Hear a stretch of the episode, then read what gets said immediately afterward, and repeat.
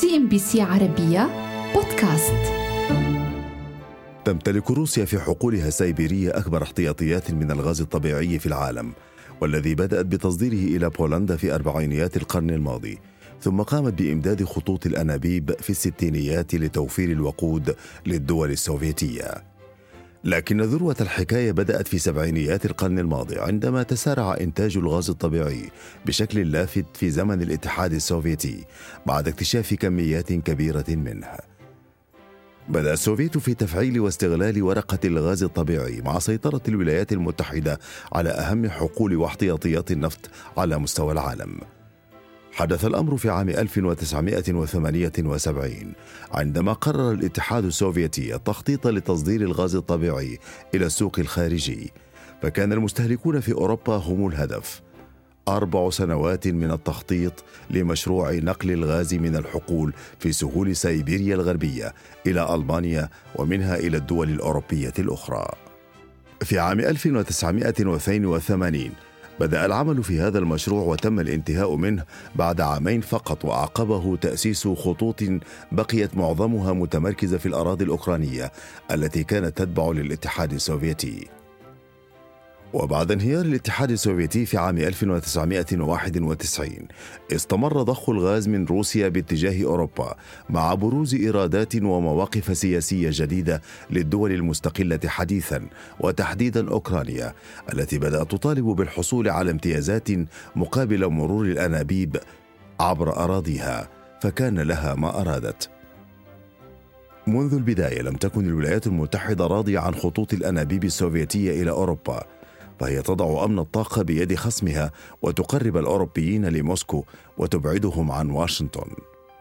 وفي إطار محاصرة الغاز الروسي المتجه إلى أوروبا عمدت الولايات المتحدة إلى تبني فكرة مشروع خط الغاز المعروف بنابوكو عام 2002 ليكون بديلا عن خطوط الغاز الروسي.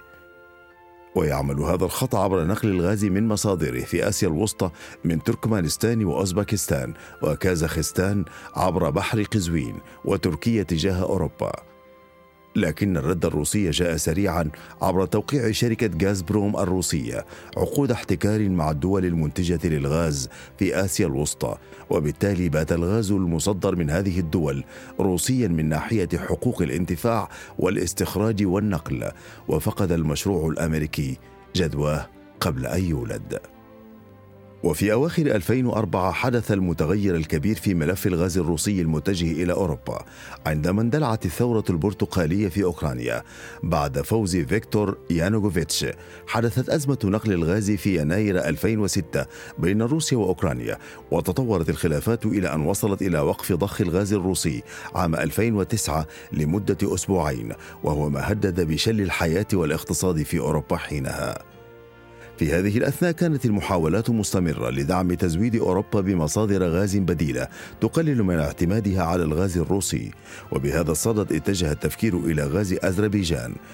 وتكلل ذلك في عام 2012 عندما تم توقيع اتفاق بين تركيا وأذربيجان لتأسيس خط لنقل الغاز من أذربيجان تجاه أوروبا عبر تركيا. وحمل الاسم خط الغاز عبر الأناضول اسم نتاب. وفي يوليو 2019 أعلن عن استكمال إنشاء الأنبوب ووصوله إلى الحدود التركية اليونانية. وتتمثل المرحلة التالية من خلال الربط بالأنبوب العابر للبحر الأدرياتيكي المعروف بتاب الذي يضخ الغاز عبر اليونان وألبانيا إلى إيطاليا، لكن روسيا لم تغفل هذا المشروع ودخلت في شراكة فيه من خلال شركة لوك أويل التي امتلكت 10% من المشروع. وتزود روسيا أوروبا بنوعين من الإمدادات، الأول هو الشحنات العاجلة والطارئة، والثاني هو العقود الطويلة الأمد مثل الإمدادات التي تتم عن طريق ثلاثة خطوط رئيسية، هي نورد ستريم 1 الذي يصل روسيا بأوروبا عبر أوكرانيا. بدأ العمل بهذا المشروع منذ عام 2012 بسعة نقل تصل إلى 55 مليار متر مكعب من الغاز سنويا.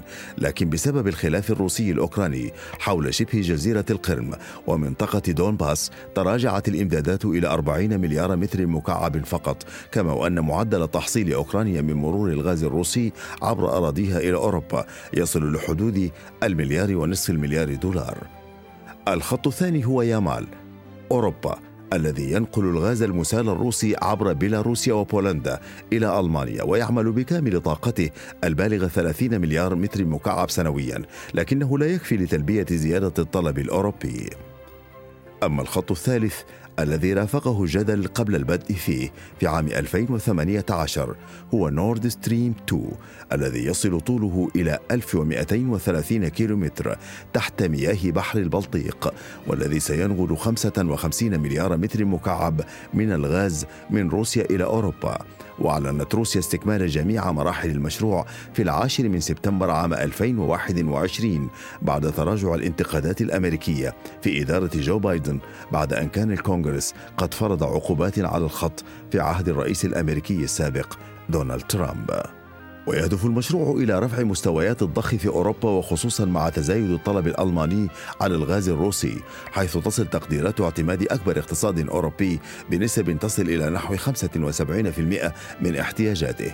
وتفجرت الاتهامات الأوروبية والأمريكية حول تسييس الكرملين لملف الطاقة حيث يرى مستشار الرئيس الأمريكي جو بايدن لأمن الطاقة أن روسيا تقترب من استخدام الغاز لأغراض سياسية بحيث ينظر الجانبان الأوروبي والأمريكي للضغط الروسي على أنه يهدف إلى التعجيل بإصدار المواقف القانونية لنورد ستريم 2 الذي تعارضه بعض الدول الأوروبية وترى فيه أنه سيعزز المكانة الجيوسياسية لموسكو من خلال زيادة الاعتماد الاعتمادات الأوروبية على الغاز الروسي.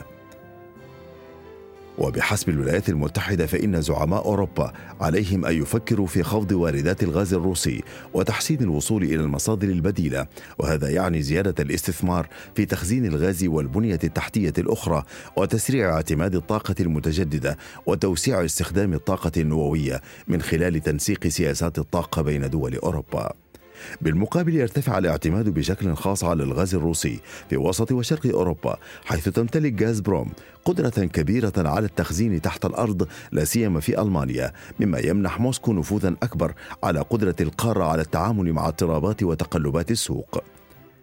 وفي عام 2014 عاد التقارب الروسي التركي من جديد خاصة في ملف الغاز حيث وقع الرئيسان فلاديمير بوتين ورجب طيب أردوغان اتفاقا لإطلاق أنبوب جديد باسم السيل التركي لكن موسكو علقت المشروع بعد حادثة إسقاط التركية الطائرة الروسية في نوفمبر 2015 لكن بعد ذلك تم معاودة العمل بالمشروع مع تحسن العلاقات بين البلدين من جديد في منتصف 2016 وفي نوفمبر 2018 تم الانتهاء من أعمال البناء وتمت المباشرة في ضخ الغاز. لا تتجه خطوط الغاز الروسية غربا فحسب. ففي ديسمبر 2019 تم افتتاح خط الأنابيب قوة سيبيريا الذي ينطلق من عمق روسيا باتجاه الصين بطول 2000 كيلومتر وينقل 38 مليار متر مكعب من الغاز سنويا. تستهلك أوروبا ما يقارب ال 500 مليار متر مكعب من الغاز كل عام وتوفر ذاتيا نحو ثلث هذه الاحتياجات وتستورد الكمية الباقية ويتجه استخراج الغاز في دول الاتحاد الأوروبي نحو الهبوط تدريجيا ويتم تعويضه برفع معدلات الاستيراد. وفقا لبيانات يوروستات تعتمد أوروبا على الغاز الطبيعي في تلبية 20% من احتياجيات توليد الطاقة وتؤمن روسيا ما بين 30 إلى 40% من هذه الاحتياجات في حين تؤمن النرويج نحو خمس الاحتياجات الأوروبية. أما المتبقي فيأتي من الجزائر وقطر وأستراليا والولايات المتحدة الأمريكية. CNBC عربية بودكاست.